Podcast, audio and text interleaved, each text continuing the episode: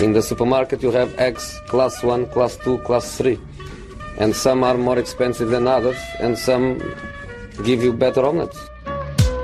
That's the wrong information. Wrong, wrong, wrong information. I didn't say that. That's the wrong information. Do you think I'm an idiot?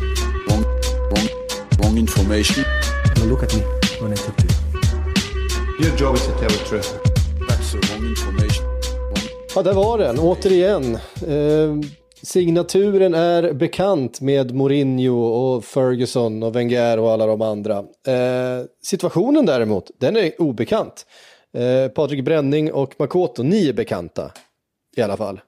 Eh, Ja, det får vi väl ändå säga.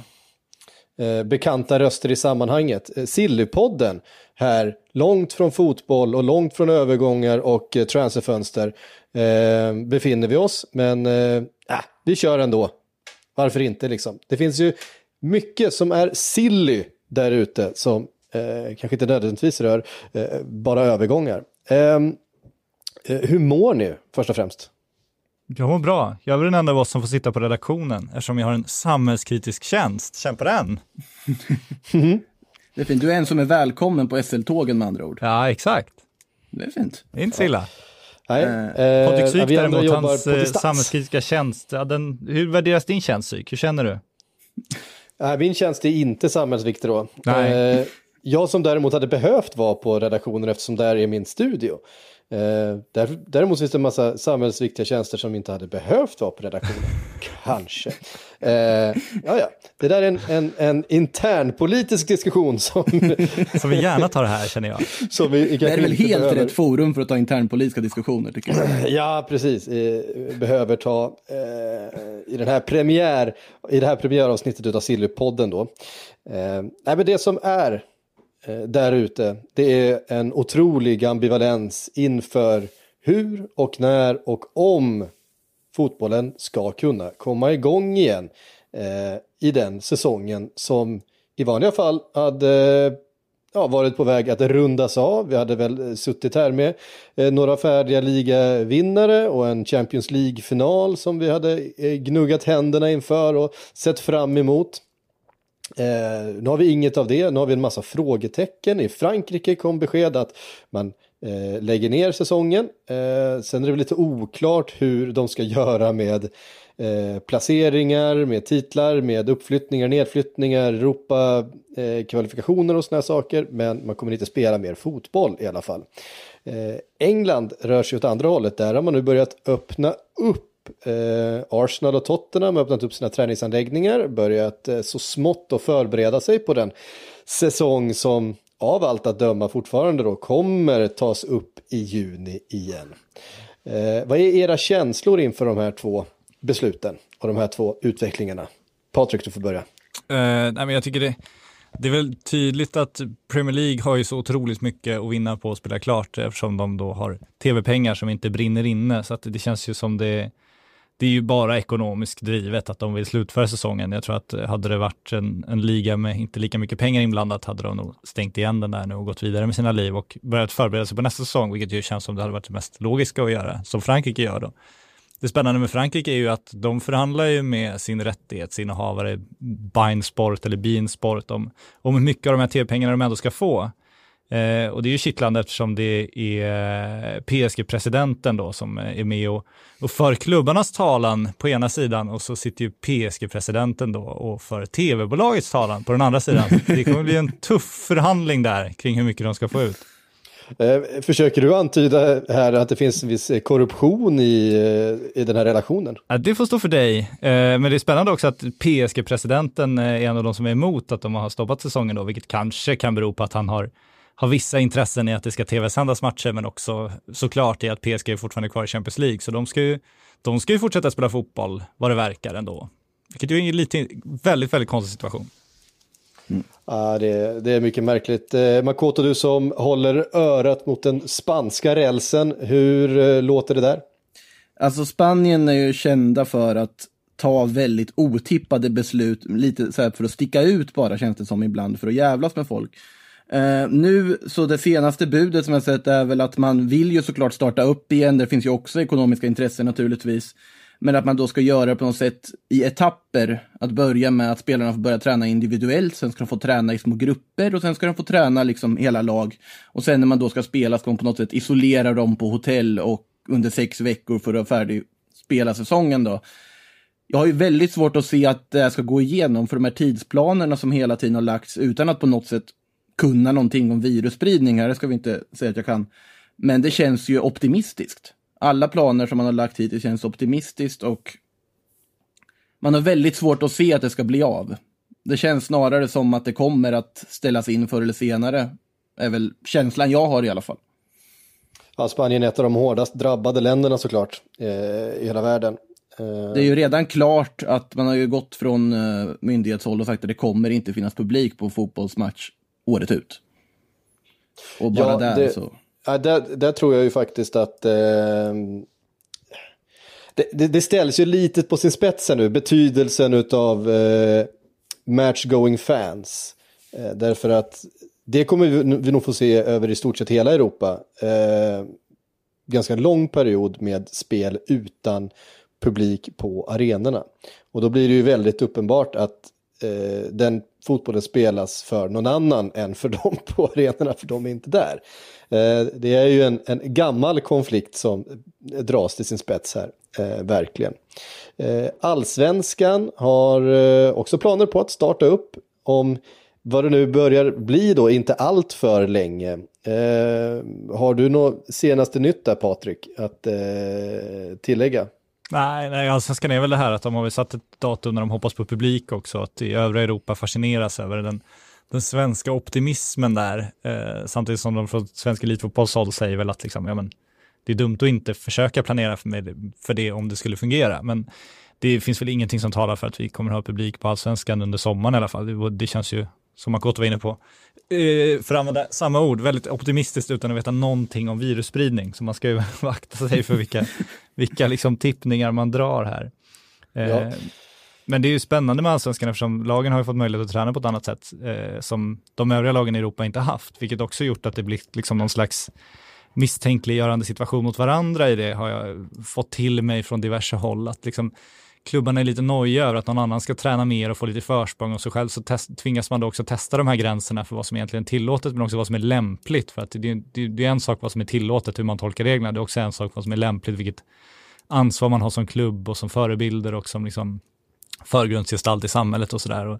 Det känns som det hade nog, jag tror många hade varit ganska tacksamma om någon bara sa att ni får inte träna för att det hade ju underlättat ganska mycket beslutsprocessen samtidigt som man ju gillar att Sverige försöker hålla öppet så mycket som möjligt och startsträckan blir ju kortare då. Det blir ju spännande att se internationellt hur, hur engelska spelare som inte ens fått springa i parker tillsammans eh, helt plötsligt ska ut på en fotbollsarena och spela match var tredje dag för att de ska hinna slutföra en säsong. Det, är det snällt mot människor? Vilka skador kommer det medföra? Hur kommer det påverka de spelarna resten av deras karriärer? Kommer det förkorta karriärer? Kommer det förstöra människoöden? Det, det är väldigt stora frågor. Och vad händer om någon blir smittad? Eh, ska hela laget i karantän och ska hela laget inte i karantän? Är det att jämställa med en skada eller, eller kommer liksom lagen kräva speciella omständigheter då och kanske slippa spela matcher utan den där spelaren och kommer det komma skadestånd på det? Och, det är så otroligt många juridiska frågor och de har ju ganska stora juridiska team i alla fall, de internationella klubbarna, så att de kommer få ha att göra, de där liga, ligaföreningarna tror jag.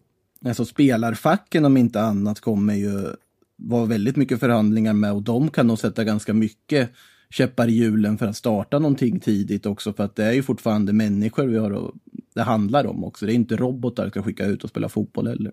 Nej, och det äcklar mig lite den här driften alla har att komma Mm. igång så tidigt som möjligt. Alltså jag förstår ju den och man saknar ju själv fotbollen och sådär, men men om man kräver av resten av befolkningen att de ska sitta i karantän och sen samtidigt så jobbar man allt för att få igång så att 22 killar ska kunna springa ut och spela fotboll bara för att klubbar ska tjäna pengar. Det är klart att det finns anställda som ska, liksom vars levebröd eh, hänger på de pengarna, så det förstår jag också. Men det finns någonting, det, det är svårt när frågan inte är hur ska vi minska smittspridningen, utan frågan är hur ska vi spela fotboll trots smittspridningen. Jag tycker att det är fel tänk om man börjar på tvåan där Mm. hela tiden. Ja, det som man ska komma ihåg också att vi sitter i ett land där vi inte sitter i karantän. Eh, ur, I vår kontext så känner man att ja, men fotbollsmatcher går nog att spela. Så där. Men man måste komma ihåg att i, i, i flera av de här länderna, eller i alla de här länderna, så sitter hela befolkningen inomhus. De, de får liksom på nåder gå och handla mat. De kan inte göra någonting. Eh, ingenting är öppet, inga skolor är öppna, inga, inga jobb är öppna. Eh, noll, verkligen. Eh, och det är i den kontexten som det här ska öppnas upp också. Det, vi pratar enorma signaleffekter här. Vi pratar länder där det är faktiskt eh, ett brott mot lagen att lämna sin bostad eh, i fel ärende. Um, och det är ganska viktigt att, att, att, lägga till det när vi pratar utifrån eh, vårt perspektiv här i Sverige. Eh, så ser det ju inte alls ut så. Um, så att ehm, därför blir det, därför blir det en, en, en så otroligt mycket eh, mer komplex eh, sak i de här länderna. Alltså det blir ju också individuellt på varje land, så är det ju. Om man tittar på Tyskland så de har väl ännu tidigare planer att starta upp på något sätt. Och där är ju även de ska starta nästa vecka. Ja, och där är även myndigheterna godkänt på något sätt. Eh, med det sagt så känns det ju som att den turnering eller liksom mästerskap som kommer försvinna, det är ju Champions League.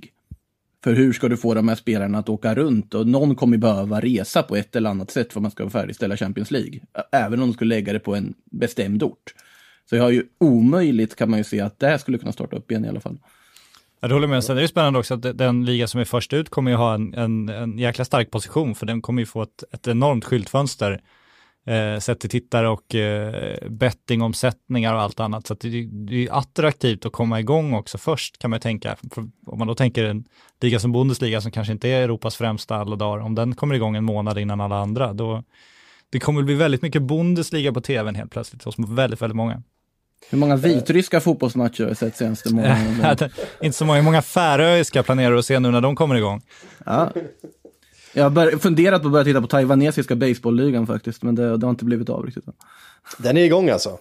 Ja, men de har ju robotar på um, arenan som ska ersätta publiken. Fan vad det är härligt med, med, eh, men de är igång. med, med robotar. Ja, det, det känns annars väldigt japanskt med robotar. Eh, det är ju inte så långt från Japan till Taiwan. Nej, det är fascinerande hur Taiwan har hanterat det, måste man säga, sett till hur nära Kina de är. Och, och, och så vidare, att de i princip helt klarat sig ur det där värsta. Ja, eh, vi ska inte snöa in på det där för mycket, men det blev ju uppenbart så att de länderna som drabbades hårdast utav sars, eh, då för, vad är det, 15 år sedan, eh, var ju också de som hade en, en eh, beredskap på plats för att eh, ta hand om en, eh, en pandemi eh, eller en epidemi. Eh, och eh, de länderna som inte drabbades så hårt av sars hade inte det. Eh, tänk vad man inte kan lära sig av andras eh, öden.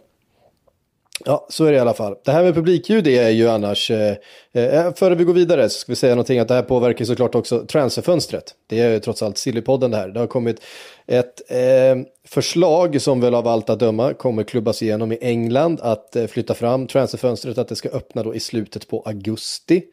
Eh, man flyttar alltså fram även transferfönstret då ungefär en och en halv månad eh, jämfört med hur det brukar se ut när det öppnar i eh, juli.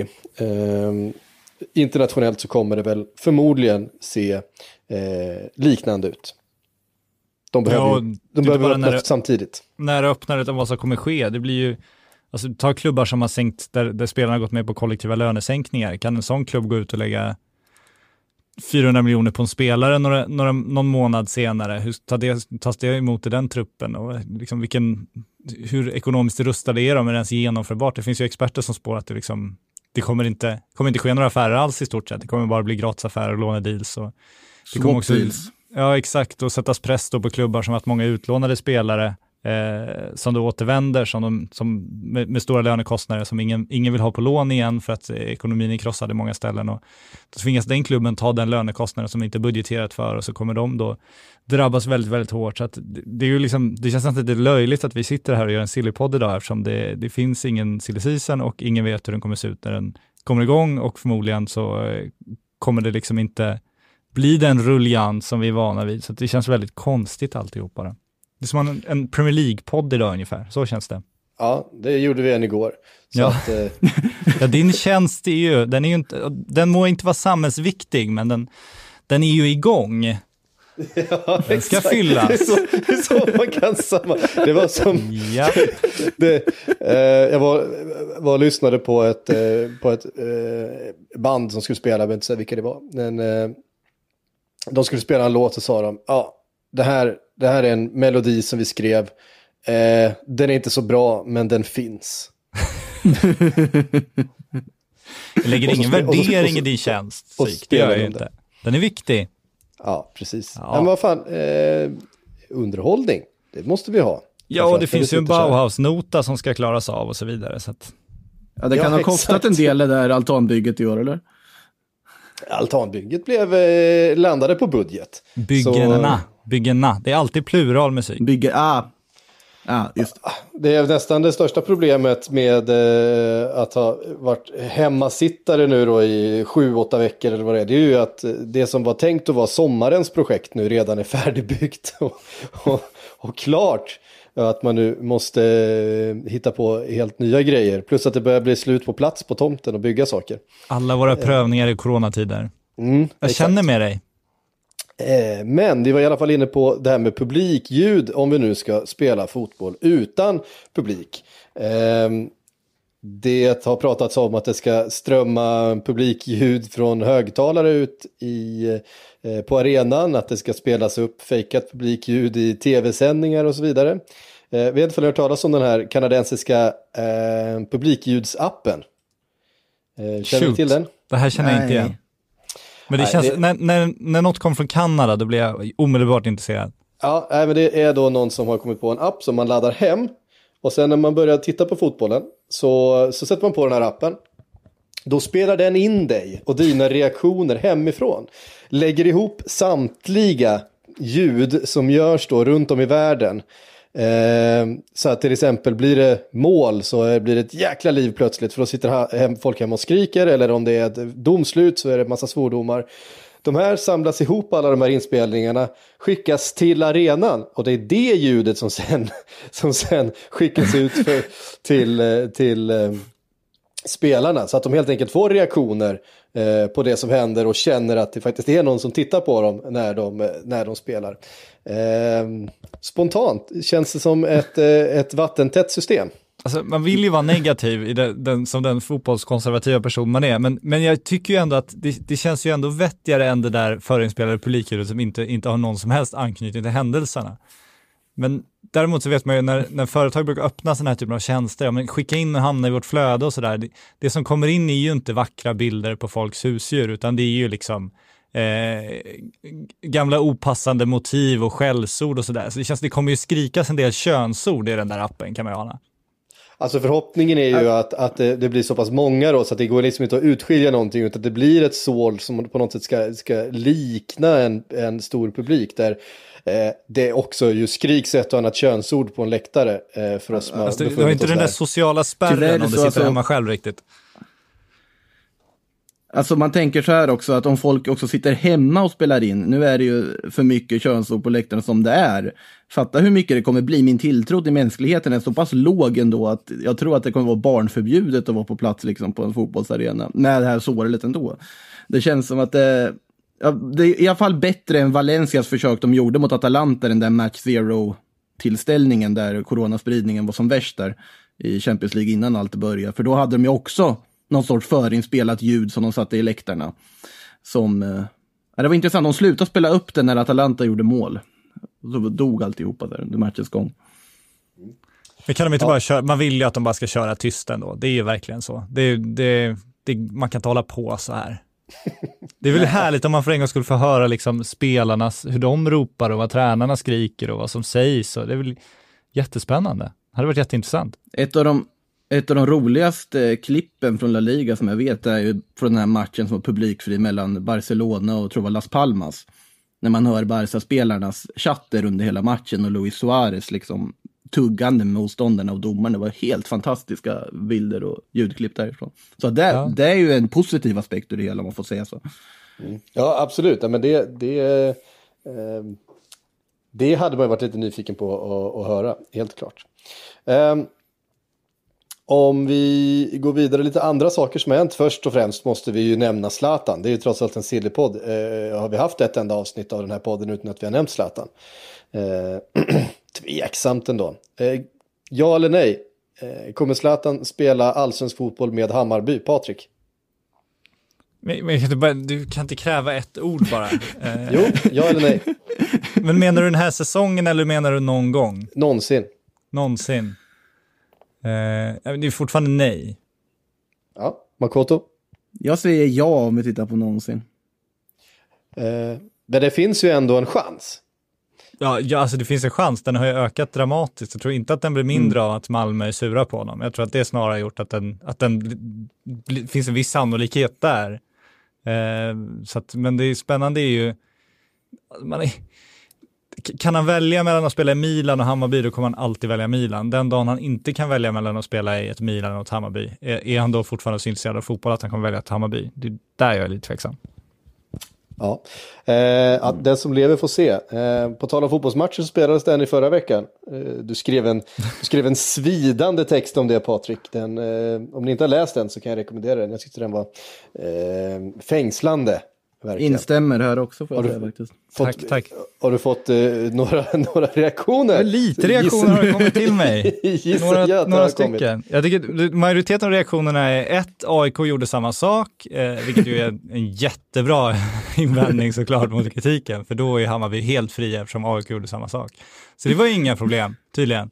Eh, och sen två, eh, det här är inte så farligt ungefär, och då känner jag bara så här, ja, eh, nu reagerar ju inte jag på att de spelar utifrån min egen kunskap om smittspridning, utan jag reagerar på att de spelar rakt emot eh, Folkhälsomyndighetens eh, råd och eh, Svenska Fotbollförbundets. Och en tredje invändning, det kanske näst vanligaste trots allt, den glömde jag, det är det här att Folkhälsomyndigheten har varit otydliga i sina, sina instruktioner till fotbollsklubbarna. Och att de inte kan någonting om fotboll, att det har lysit igenom då. Och det tycker jag var roligt också eftersom de här rekommendationerna som jag hänvisar till är ju inte från Folkhälsomyndigheten utan de är ju från Svenska Fotbollförbundet som de har arbetat fram ihop med Folk, Folkhälsomyndigheten.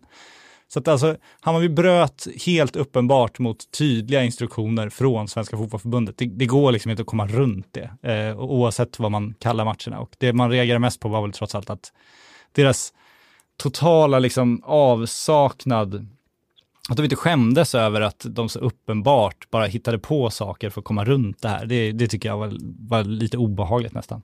Det är ett grundläggande problem hur man ser på rekommendationer skulle jag säga. Att man ser rekommendationer som bara rekommendationer. Det finns en Ja. anledning till att de finns. Ja, precis. Och att man inte tar sitt ansvar heller som en vuxen människa. Att man, så här, man gör allt för att, för att tolka saker på ett sätt. Just det här, ställer sig frågan, ja, men, hur kan vi spela fotboll trots eh, de här rekommendationerna? Är det första frågan du ska ställa eller ska du ställa dig frågan, hur agerar vi på ett ansvarsfullt sätt i den här tiden och gör vad vi kan för att liksom, hjälpa till att minska smittspridningen? Och alla människor i Sverige har ju tagit sig an problemet från liksom att göra vad de kan. För vi sitter ju inne, vi tar ju social distansering, vi, vi träffar inte, inte så mycket vänner som vi gjort tidigare. För att vi, inte för att någon har förbjudit oss, utan för att det är en rekommendation och för att vi har förstått att ja, men det är det som är lämpligast att göra. Är det då lämpligast att göra som Hammarby gör? Nej, men det är ju inte det. Det går inte. Ingen kan ju inte säga det. Nej. Oavsett vad AIK gör och oavsett eh, Svenska Fotbollförbundets eventuella kunskaper om fotboll. Ja men det hade ju kunnat varit Falkenberg som hade den matchen, varit lika olämpligt ändå. Det är det Ja, också som är- precis. Och om AIK gör det också, ja, då är, då är det precis lika olämpligt att AIK gör det. det. Men det förändrar inte det Hammarby gör heller. Men ja, nej, jag, jag förstår inte. Invändningen var fascinerande, verkligen. Eh, men en, en, en fantastisk intervju med Zlatan fick vi i alla fall. Eh, Ja, vi fick också ett svar på varför han, var så, varför han var så glad när han kom till intervjun. Det fick vi också efteråt. Ja, det, man, kan bara, man kan bara misstänka. Eh, eh, från eh, Hammarby till Newcastle. Har vi någon bra segway däremellan? Jag har ingen faktiskt. Eh, vi bara, bara att det har stått om båda klubbarna i, i eh, tidningarna de senaste, den senaste veckan. Eh, för att du också skrivit en text om, eh, om ditt Newcastle, Patrik. Eh, eller det som Jag en gång var. Det som en gång, det som en gång var ditt Newcastle. För nu, eh, imorgon, nej på fredag är det väl det ska presenteras, eh, själva övertagandet.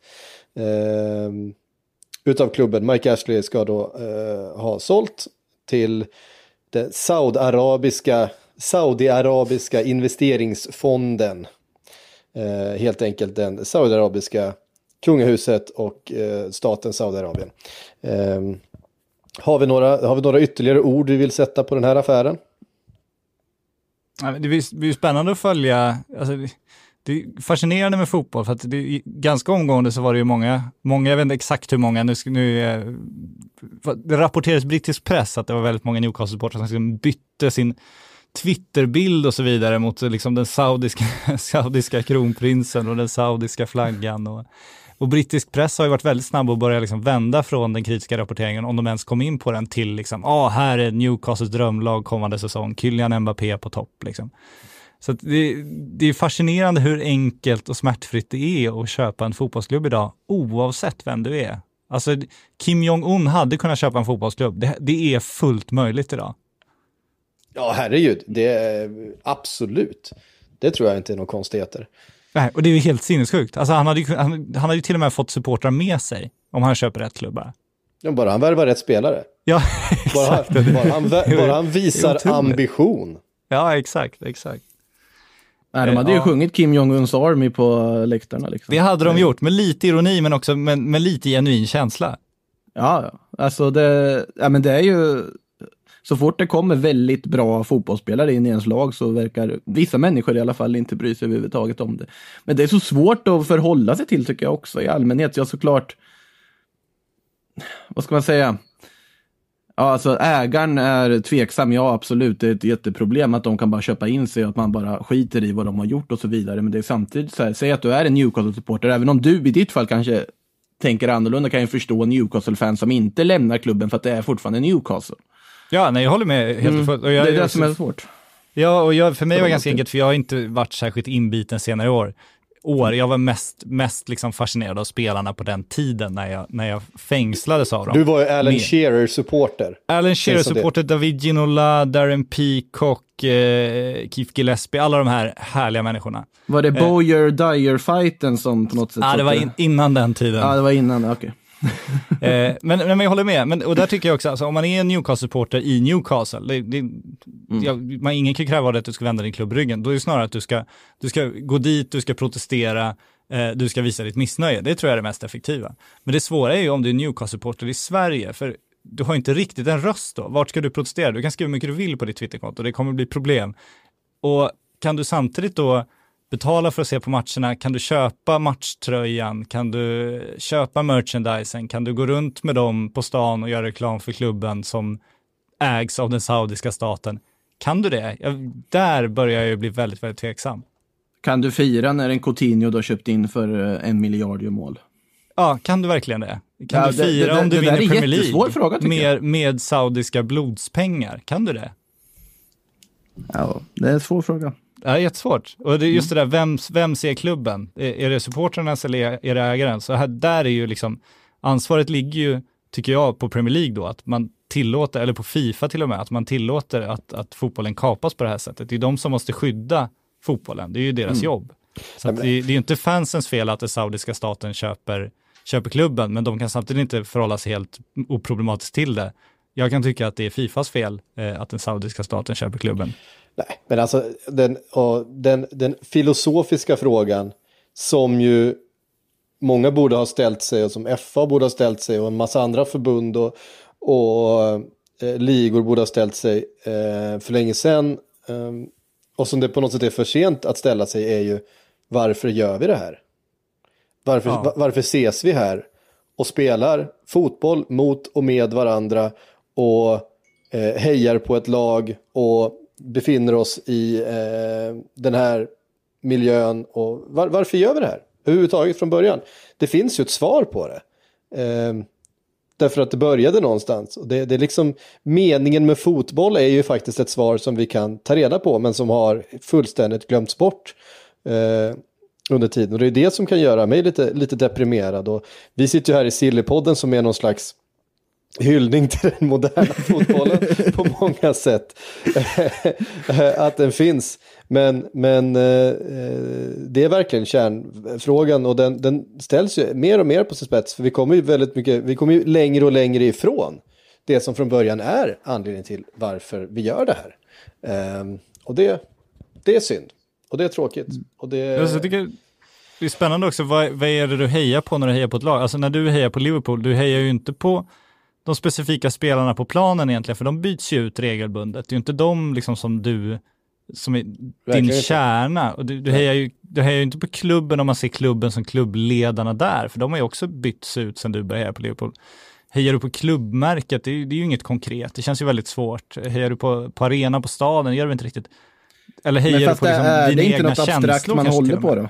Alltså klubbmärket tycker jag väl ändå nästan är det närmaste på något sätt, vilket Ja, nu kan ju klubbmärken också bytas ut dessutom, så att då blir ju Ja. också det... Jag undrar hur många Leeds-fans som hade fortfarande hållit på Leeds som har gjort det där klubbmärkesbytet de planerar att göra en gång till. Ja, Men det är väl någonstans ju på det. idén det. är ju verkligen, klubb. Det är ju verkligen allt, allt det där. När jag sätter mig ehm, och, och hejar på Liverpool idag, när jag sätter mig på fotbollsmatch 2020 och hejar på Liverpool, då hejar jag ju samtidigt på Steven Gerrards eh, högerytter mot Middlesbrough. Jag hejar ju samtidigt på Xabi Alonsos eh, straffretur i 2005. Jag hejar ju samtidigt på eh, Ian Rush alla mål som jag tittade på när jag var nio. Det är ju allt det där. Eh, och det är ju det som är själva grejen. Det är ju fotbollen. Det är ju det det handlar om. Eh, det är ju därför vi gör det här. Eh, Men hejar du inte lite på dig själv då egentligen? Eh, alltså nu är jag inte kritisk på något Nej, sätt, nej, nej. utan jag försöker, försöker göra en slags filosofisk språng här som jag absolut inte är förmögen att göra. Men någonstans hejar du på dina egna minnen och dina känslor kopplade till det. Det är någonstans det du liksom vill pumpa igång varje gång. Ja, 100 procent. Och, det, och det, där, det här är ju en grej som jag har ofta tagit upp, framförallt i den här diskussionen. Hur kan man hålla på ett lag eh, som inte är från ens egen stad? Hur kan man, ja men du vet allt det där. Ja, ja. Ja, men det, det är ju känslor. Varför har man känslor för någonting överhuvudtaget? Eh, Ja, men för att man har upplevt någonting i en speciell eh, situation i livet. Jag har alltså, låtar från andra sidan jorden som betyder otroligt mycket för mig. För att de har eh, gett mig någonting under någon speciell eh, eh, period och var liksom format mig på något sätt. Det är, ju- det är ju min relation med det här som är den viktiga för mig. Inte någon annans relation till det här fotbollslaget eller någon annans historia med det. Eh, det är inte viktigt för mig. Nej men det, Och- jag, jag håller och det är precis med. det. Eh, det. Det är ju min, mina känslor bara. Eh, och de tycker jag aldrig att man kan på något sätt ifrågasätta eller håna någons, någons känslor för någonting. För de kan komma från vilket håll som helst eh, och, och se ut precis hur som helst. Jag Det är brukar, därför det blir spännande med Newcastle då, för då, då, det, det är ju allas fulla rätt att fortsätta heja på sina känslor den klubben. Liksom. Verkligen. Men kan man göra det samtidigt som man stödjer en, eh, en, en mördande regim? Det, är- ja. Och det är, ju det, som, det är ju det som är det värsta. Det är ju precis det. Därför att det de kliver in och köper, det är ju någonting som folk inte på något sätt kan. På något sätt bara slita sig från. ja. Du, du, kan inte byta, du kan inte byta klubb som du byter ett skomärke för att du tycker att det här skomärket eh, ägs nu av en regim jag inte vill stödja. Nej, men då köper jag ett annat. Eh, utan de, och det är ju just av den anledningen som de köper just fotbollsklubbar. Eh, för att, att eh, det är känslor och det är riktiga, det är riktiga känslor. Och det går inte att, eh, att värja sig från på samma sätt som det gör med, med andra märken. Ehm, och eh, att sätta pris på känslor, att köpa känslor med pengar, det är, eh, det, det, det är en ännu djupare filosofisk problematisk diskussion som, som vi någonstans hamnar i. nej, men alltså, jag, jag brukar säga att man inte väljer sitt fotbollslag utan det är fotbollslaget som väljer en själv. Att man kan inte riktigt styra över vilket fotbollslag man börjar hålla på för då finns alla de här olika aspekterna i det på något sätt. Att du kan inte välja för att det är känslor och känslor beter sig på ett sätt oavsett liksom vad du själv tänker att du ska göra. Så att eh, det går ju inte. För sen är det ju olika, olika känslor kan ju bestå på olika sätt beroende på olika faktorer naturligtvis. Men, Ja, och sen du kan ju lämna ditt fotbollslag. Det är också sån för mig var det ganska, för nu har jag inte så mycket känslor kopplade till, men du, du, ibland tvingas du ut ur relationer där du fortfarande har väldigt mycket känslor kvar, men det går ju över. Så att det går ju att ta ett rationellt val och lämna sitt fotbollslag om man tycker att det är rätt väg. Det är ju möjligt. ja. Men jag säger inte att man ska göra det. Nej, eh, nu hamnade vi långt ner i, eh, Ja. i eh, de existentiella frågorna runt fotboll. Vilket är, är väl där man hamnar när man, när man eh, lider utav bristen på densamma. Vi är väl på eh, djupt vatten ur positiv bemärkelse för en gångs skull. ja, kanske. Men ingen, ingen kan ju heller ifrågasätta eh, ens känslor. Nej. Vilket är skönt eftersom eh, det går att ifrågasätta nästan allting som i alla fall jag säger i den här podden. Eh, jag tänkte före vi, före vi knyter ihop den här säcken så ska vi ändå riva av några rykten som finns där ute. För det finns rykten även om det är, långt bort och så vidare. Och eh, kan vara eh, eh, lite substanslöst. Men det, Det är inte, aldrig inte BBC som har ryktesmaskiner igång, om vi säger så. Vad sa du? Det är ju inte BBC som har ryktesmaskiner igång riktigt. Nej, inte direkt. Eh, men vi har aldrig varit för fina för att eh, pusha vidare ett, ett svagt och osannolikt rykte i den här podden. vi ska inte börja sätta oss på några hästar nu. Det är inte så. läge. Eh, men vi börjar med Arsenal som det har varit en del snack runt. Arsenal behöver eh, förstärka sin trupp, de behöver bredda sin trupp. Eh, det har varit snack om länge. Arteta kom in i vintras. Han vill ju såklart bygga sitt lag. Nu har ju allt det här hänt. Eh, Arsenal som redan tidigare hade en ganska utsatt ekonomisk situation i förhållande till vart man liksom befinner sig i hierarkin. Eh, jämfört då med övriga topp 6 och så vidare. Har redan före hela coronakrisen haft en, en, en stramare budget än konkurrenterna. Och det här har ju såklart inte gjort det bättre. Och det är Ehm, free agents som det är tal om. Det är två stycken som det har skrivits om. Det ena är William eh, i Chelsea och den andra är Adam Lallana från Liverpool. Eh, två stycken rutinerade såklart, spelare med ja, någon slags kvalitet kvar fortfarande. Eh, hur känner ni inför William och Lallana till Artetas Arsenal? Det var kanske inte vad supportrarna såg framför sig eh, i vintras, men det är väl här man befinner sig nu kanske.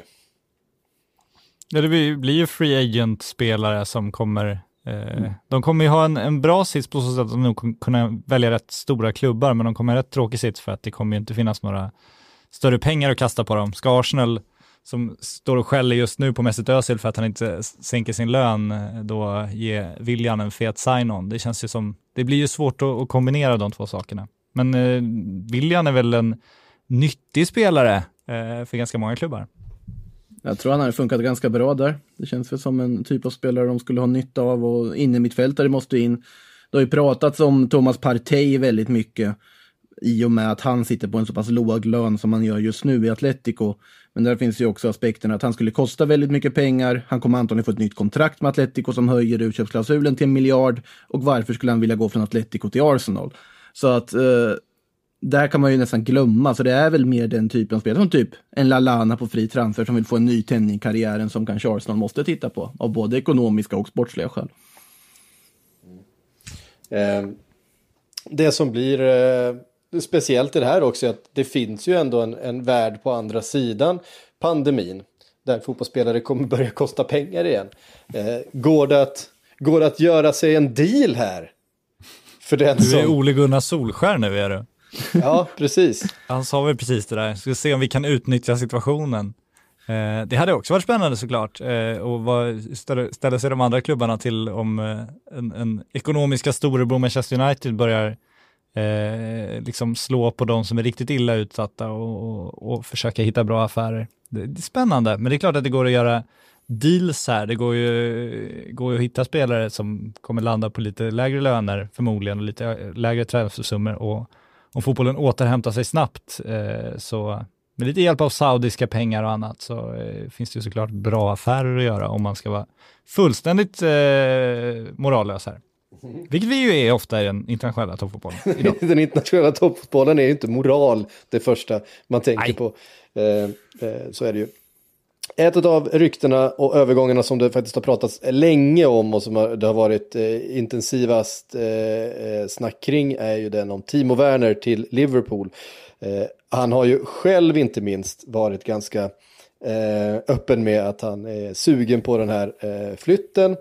Eh, så pass mycket att Liverpool nästan har fått gå ut och säga att lugna dig nu, du behöver liksom inte prata om det här i varenda intervju. Eh, vilket han gjorde under en period. Eh, det finns en utköpsklausul som då måste triggas för ett visst datum. Det kan de såklart fortfarande göra. Det som blir svårt är ju allt det här runt omkring förhandlingar med kontrakt och, och eh, inte, alltså så här, läkarundersökningar och allt möjligt. Det tror jag väl de, de löser. Men eh, Timo Werner till Liverpool när transferfönstret öppnar i augusti. Jag skulle sätta ganska mycket på att han är ett, eh, ett, en Liverpool-spelare då. Faktiskt. Men kan, då blir återigen den här frågan, har de, alltså nu är det ju en morallös värld det här. Men samtidigt efter man har liksom permitterat anställda och låtit dem ta hand om liksom den här brittiska statskassan för att eh, liksom ha sina löner och så vidare och utnyttjar den. Har man mage nog att punga ut en utköpsklausul på en Timo Werner? Ja, Ja, Ja, absolut. ja, ja alltså jag, jag köper det ja-svaret. Sen kan man tycka om man vill om det. det absolut. Det är en vettig invändning du har. Ja, de, drog, de, de tog i och för sig tillbaka sin eh, den här permitteringen så att de, har, de gjorde ju inte det. Men, men de tänkte Men de- göra det. de, försö, de försökte De göra försökte det för, göra det. fram tills att det blev för dålig PR. Exakt, det var väl snarare där faktumet låg, att det finns ju ändå någon form av... Man vill ändå tro att det finns någon form av moral, men sen känns det som en spontan grej jag känner är väl att det är lite olika beroende på liga. I Tyskland så pratar man om hur storklubban ska gå ihop för att rädda liksom Zweite och Dritte Bundesliga-lag tillsammans med pengar. Man har inte hört riktigt snacket, vad jag har sett i alla fall, om att man ska försöka rädda Ligue 1-klubbar. I England. Nej, och de, de som faktiskt eh, ganska många redan eh, låg rätt risigt till före det här. Eh, på många håll. Ja, Sunderland till I Die säsong 3 blir intressant. När den saudiska staten går ihop med Förenade Arabemiraten och. Och Nordkorea. räddar dem och Nordkorea och lyfter dem ur träsket. Fan vad fint. Istället det för We också- need to have it more Ibiza på arenan så blir det We need to have it more Pyongyang. Exakt, lite marschmusik. Mysigt ändå. Ja. Eh, nej, men det, det man kan säga om Timo Werner är väl också att eh, det kommer ju trovärdiga bilder, eller bilder, uppgifter i Sportbild idag att eh, Bayern Münchens tränare Hansi Flick har haft en halvtimmes långt telefonsamtal med Le- Leroy Sané. Så att de verkar fortfarande vara väldigt inne på Sané-spåret. Mm. Och där ska Ja, Oliver Kahn ha medlat mellan sportchef och tränare så att de nu är överens om att det är Sané de ska värva. Det var lite, lite spännande också. Man ska väl ha ringt upp Mekano också va? Precis, eh, Upamecano ska ju enligt eh, uppgifter då vara, vara överens med Bayern München. På, på tal om det här att passa på att göra sig en deal eh, och visa musklerna och vara vara, eh, the bully in the room så är ju det en eh, roll som Bayern München inte har speciellt långt till i den tyska fotbollen. Eh, så där kan vi säkert se eh, en del spelare röra på sig eh, till eh, Bayern München. Eh, Upamecano är ju en av de mest spännande unga backarna i hela Europa. Och det känns ju som någonting som, som Bayern skulle kunna ha nytta av. Och, eh, de där ytterplatserna har det ju pratats länge om. Eh, och Leroy Sané har det pratats länge om. Eh, så det känns väl som två ganska trovärdiga rykten. Så jag kan Kai Havertz in på det också. Det kan, det kan bli ganska dyrt för Bayern det här alltihopa. Om de får loss Havertz också. Det, Ja. det får vi väl se. Jo, jo, naturligtvis. Men ja, Upameccanos fall så har vi ju ett utgående kontrakt där 2021 också som väl borde göra att Leipzig kanske, vet jag inte hur illa ställt de har det med tanke på att de har Red Bull-backningen och så vidare, men kan vara intresserad kanske av att ändå behöva sälja för att inte släppa Upamecano gratis nästa sommar. Nej, samtidigt så vill då Alaba röra sig bort från Bayern München vad det verkar. Eh, snackas om de två spanska eh, storklubbarna. Eh, enligt Bildt igen, eh, Bildt har rätt bra koll på Bayern, så ska Zidane ha gett grönt ljus då. Eh, att värva Alaba. Det är ju en spelare som kanske eh, var ännu bättre för några säsonger sedan, men, men fortfarande är ju en, en, en utmärkt vänsterback och eh, central mittfältare om man nu väljer att, eh, vart man nu väljer att spela honom. Alltså tidigare rapporter på Alaba har väl varit lite att han just vill spela innermitt som han gör i österrikiska landslaget och så vidare. Eh, nu är det ju Kimmich som har flyttat tillbaka till en sorts mittfältsroll och det känns ju som att chansen att spela mittfältare i Bayern är ganska liten. Sen kan man samtidigt fråga sig hur stor är chansen för dig att få spela mittfältare i Real Madrid eller Barcelona? Den är ju inte heller jättestor om vi säger så. Då, så att, eh, men sen Alaba är ju en sån mångsidig spelare som kan spela på så många olika positioner i ett lag och är så otroligt nyttig att ha i en trupp och riktigt bra på alla de här positionerna. Så att om man tittar på Real Madrid så är det en jättenyttig värvning om alla bara vet sin plats. På så sätt. Ja, Eh, precis. Eh, som sagt, det är mycket bytesaffärer. Eh, en del utlånade spelare som kommer komma hem och det kommer också eh, göra att vissa trupper blir lite eh, breda. Eh, Juventus och Barcelona sitter i förhandlingar då enligt Mundo Deportivo om Arthur. Eh, och det ska röra sig om en swap deal. Vad tycker vi om swap deals?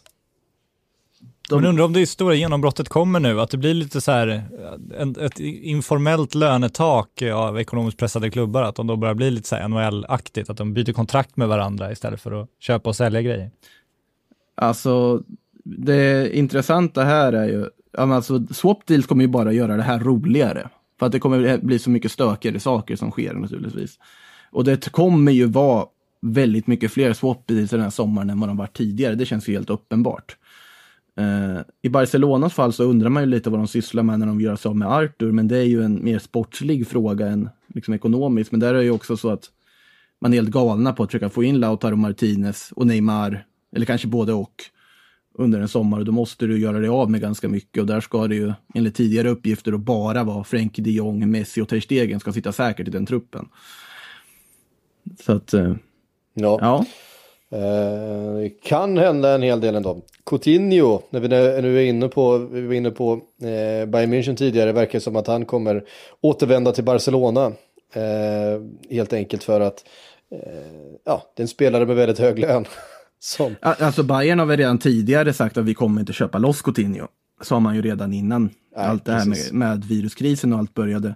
Eh, sen har ju Barcelona desperat vill ju bli av med Coutinho. Kanske även också desperat bli av med Osman Dembélé för att kunna då finansiera ett nytt superköp den här sommaren med pengar man typ inte har sett till att de hamnar i ekonomiska problem efter i princip en vecka av den här krisen utan fotboll. Eh, men det är ju ingen som kommer betala de pengarna för Coutinho i och med att det är ingen som har pengar att betala och då kanske det ändå är så att han blir kvar i truppen. Setien ser ändå ett behov, eller liksom nytta i Coutinho att spela honom som en mittfältare och tycker om Coutinho. Men sen får man ju se om det är Setiens vilja eller om det är ledningens vilja med Bartomeu och sportchef Abidal i spetsen som har liksom sista talan där. Mm. eh, samtidigt, den har ju kopplats ihop med Chelsea också, eh, Coutinho. Chelsea som också kommer eh, har varit aktiva i ryktesspalterna. Eh, kommer ju då från eh, två fönster långt eh, transferförbud. Eh, som ju i slutändan bara blev ett, för de fick det ju eh, begränsat. Sen gjorde de ingenting av det ändå. De har i alla fall eh, två fönster där de inte har gjort något. Och kunnat lägga lite pengar på hög och nu skulle ju då den här stora, Lampards stora satsning komma. Ehm, och så kom allting av sig. Däremot finns väl anledning att tro att den där eh, ans att ansatsen kommer tas eh, så fort eh, möjlighet kommer finnas. En av de spelarna var Coutinho, men det pratas också om Kai Havertz och det pratas om Jadon Sancho. Eh, om ni får välja på de tre spelarna, vem, vem eh, vill ni helst ha? Eh, med tanke på att de redan har Hakim Ziyech klar så skulle jag väl utan tvekan säga Jadon Sancho om det skulle gå ekonomiskt. Ja, och brittiskt, brittiskt. Det känns som det finns ett jäkla PR-värde där som eh, är oslagbart för dem. Är inte han också ursprungligen Chelsea-kille? Inte så att han har spelat för han klubben. kommer men jag vara det när han presenteras i alla han- fall. Han är från kvarteren va? Från början. Ja, han är väl London-kille i alla fall, men mer än så vågar jag inte svära på. Ja, det är någon liten klocka som ringer i bakhuvudet att han, att han är växt upp inte allt för långt från Stamford Bridge. Ehm, men uh, Jadon Sancho Det räcker för att du som- ska presentera det som en sanning. Vad sa du? Mer kräver du inte för att du ska presentera det som en sanning. Presentera? nej, nej. Eh, Det blev, det blev lite innehåll av det också. Precis. Eh, ehm, där är ju konkurrensen med Manchester United. Eh, vi fick frågan faktiskt i Premier League-podden igår eh, om vi helst såg Jadon Sancho i eh, Manchester United eller i Chelsea. Då måste Då- man ju lägga in aspekter för Jadon Sanchos skull eller för klubbarnas skull eller för den objektiva tittarens skull. Ja, precis. Eh, Jag, hade, jag, jag svarade på det här sättet då, och ni som lyssnar på båda poddarna får väl en en favorit i repris här då. Eh, favorit var väl att ta i. Eh, eh, att personligen som, som supporter är det helst sett honom i Chelsea för att det är ett så ungt spännande lag. Det hade varit kul att se eh, honom under, under Lampard. Eh, men hade jag varit hans, man, eller hade jag varit hans eh, agent så hade jag försökt placera honom i, i Manchester United. Det är ändå det är ändå Manchester United, han kommer bli super, super, superstjärna eh, där eh, med en av världens största fanbases. Eh, det kommer eh, generera fler, eh, fler slantar på kontot och större exponering eh, globalt. Eh, så jag hade eh, försökt förhandla med Manchester United först om jag var hans agent. Men rent personligen så skulle jag nog hellre sätta honom i, i Chelsea, bara av den eh, egoistiska anledningen. Vad säger ni? Skriver under på allt. Alltså om man får välja mellan de två klubbarna så absolut. Eh, sen så vet jag inte hur bra karriärmässigt det är att gå till United i dagsläget, men det beror ju lite på hur det här projektet med Ole Wheel fortskrider så att säga. Han har hittills värvat ganska bra har jag ju sagt tidigare också, det står ju vid. Och spela med Bruno Fernandes i den formen han har varit, eh, det är ju inte dumt heller. Nej, precis. Och, och jag menar, förr eller senare så kommer ju kurvan. Och den, den hade ju faktiskt börjat peka eh, uppåt ganska rejält sen Bruno Fernandes kom in. Och, och avslutningen på säsongen eh, fram tills uppehållet här med eh, för Manchester United såg ju väldigt eh, positiv ut. Och det eh, är en, en, en trupp som börjar, som, som börjar innehålla kvalitet igen efter några trevande år. Jag såg ju att PSG hade PSG är väl ute efter Pogba lite grann då. Eh, och att de hade erbjudit Di Maria tillbaks till, till Manchester United i någon slags bytesaffär. Eh, Där ställer jag mig lite tveksam till om, eh, om någon utav, utav parterna, Di Maria eller Manchester United, är intresserade utav den återföreningen. Jag tror att du är på samma substansnivå som artiklarna om att eh, Barcelona ska erbjuda fyra spelare för Ajax André Onana. Ungefär samma trovärdighet tror jag att vi ligger på här. Ja, för en andra målvakt dessutom, bara man då kastar i princip hela sin akademi. Men eh, det känns som att eh, med Bartomeu vid rodret kan allt hända. Om bara att det faktum att Nej, man nej, kopplar nej. samman med Bernadeschi och De Siglio just nu säger väl det mesta. Han tar sina chanser att hacka på Barca, det gör Amakoto, det får man ge honom. Jag kan säga så här, jag tror nog även att eh, Barcelona-sympatisörer hackar på Barca nu för tiden sett till hur de men har du, styrt på du, sistone. mår- du mår inte dåligt när du kör, det gör du inte. Vad skönt, jag tyckte att vi har hållit med varandra för mycket det här avsnittet. Det kändes, Ja, inte, det kändes som att det var en jobbig effekt av corona, coronaproblemet här, att vi sitter och håller med varandra. Det är bra att, lite tugg måste vi ha. Ja, eh, verkligen. Giroud ska ha förlängt sitt kontrakt med Chelsea och det är väl också sign o times. Eh, att eh, Giroud som har varit på väg bort och som har velat bort och som klubben har velat ta bort och eh, så vidare nu förlänger med ett år för att man inser att man kommer nog behöva hålla i det som finns eh, och invänta Eh, bättre tider helt enkelt, andra tider för att eh, inleda den här stora ombyggnationen som eh, Lampard förväntas göra. Eh, vet ni vad, det var faktiskt allt vi hann med den här eh, onsdagen. Det blev mycket längre här än vad jag förut eh, förväntade mig att det skulle bli. Vi tänkte att det här... ehm, en annan grej som vi ska puffa för när vi eh, är här är att, eh, vet, kommer ni ihåg våra scoutingrapporter? Eh, nej, inte det. Nej, jag... Här får du uppdatera Jo, det gör vi. Ja, vi får, vi får uppdatera igen. Nej, men så här. Vi kommer börja göra scoutingrapporter på de mest intressanta spelarna. Ehm, det här kommer ligga då under Aftonbladet Plus. Man kommer kunna lyssna i Aftonbladets app. Än så länge så är det bara iOS som eh, fungerar eh, med vår, med vår eh, egenhändigt producerade spelare då. Det kommer för Android inom kort. Än så länge så är det iOS-användare som kommer komma åt den här spelaren. Eh, och där kommer vi lägga eh, en hel rad scoutingrapporter. Så ja, undrar ni vem eh, Kai Havertz är eller kanske någon annan ung spännande eller för den delen gammal spännande spelare som vi kommer skriva om och prata om under den här tiden som återstår då fram till att träsfönstret öppnar så kommer man kunna nosa sig in där och få en utförlig rapport om sagda spelare. Det ser vi fram emot. Jag vet att du kommer eh, läsa in det ordentligt där Makoto. Eh, är det någon du är sugen på att göra, göra först? Eh, det beror ju på om jag ska titta på vad jag själv är intresserad av att titta på eller vad någorlunda våra lyssnare skulle kunna tänka sig lyssna om. Ja, vad, vad är, ja, men det, det du själv är sugen på? Eh, Alltså det, det finns ju mycket spelare att titta på. Eh, men det finns ju alla möjliga unga intressanta spanjorer, tänker jag ju direkt på. Jag tänker ju på en av spelarna som Pau Torres i Villarreal, mittbacken. kolla lite närmare på honom. Nu tror jag att det, är nog inte många plus vi säljer på en sån, sån scoutingrapport kanske, men eh, vi får se vad som dyker upp. Vi får se, det kommer nog bli en, eh, ett helt gäng. Eh, så håll utkik efter det. det jag, jag ser fram emot att lyssna på dem och de kommer man eh, kunna hitta såklart. Så till att börja med då i eh, Aftonbladets iOS-app och eh, om inte allt för länge även i Android. Så så fungerar det. Eh, då har vi puffat för det också. Hörde ni Patrik och Makoto, tack för att ni var med idag. Där själv. nu ska vi ha lite långhelg? Ja. Vilken, Jag haft skillnad, det vilken skillnad det blir i livet. Nu får man äntligen sitta hemma i några dagar. Ja, nu har du ändå jobbat igen ju. Det förtjänar lite lugn och ro känner jag också. Ja, precis. Eh, Jag känner att eh, ja, det var, det var en, eh, ett poddpass här nu efter en månads eh, ledighet och tv-spelande. Det, nu måste jag ta en månad till. Men vi vi får se, så det kommer väl förr eller senare en sån där scoutingrapport på Pau Torres. Men det är en månad bort kanske. Ja, precis. Hörde ni, tusen tack för att ni har lyssnat på återhörande.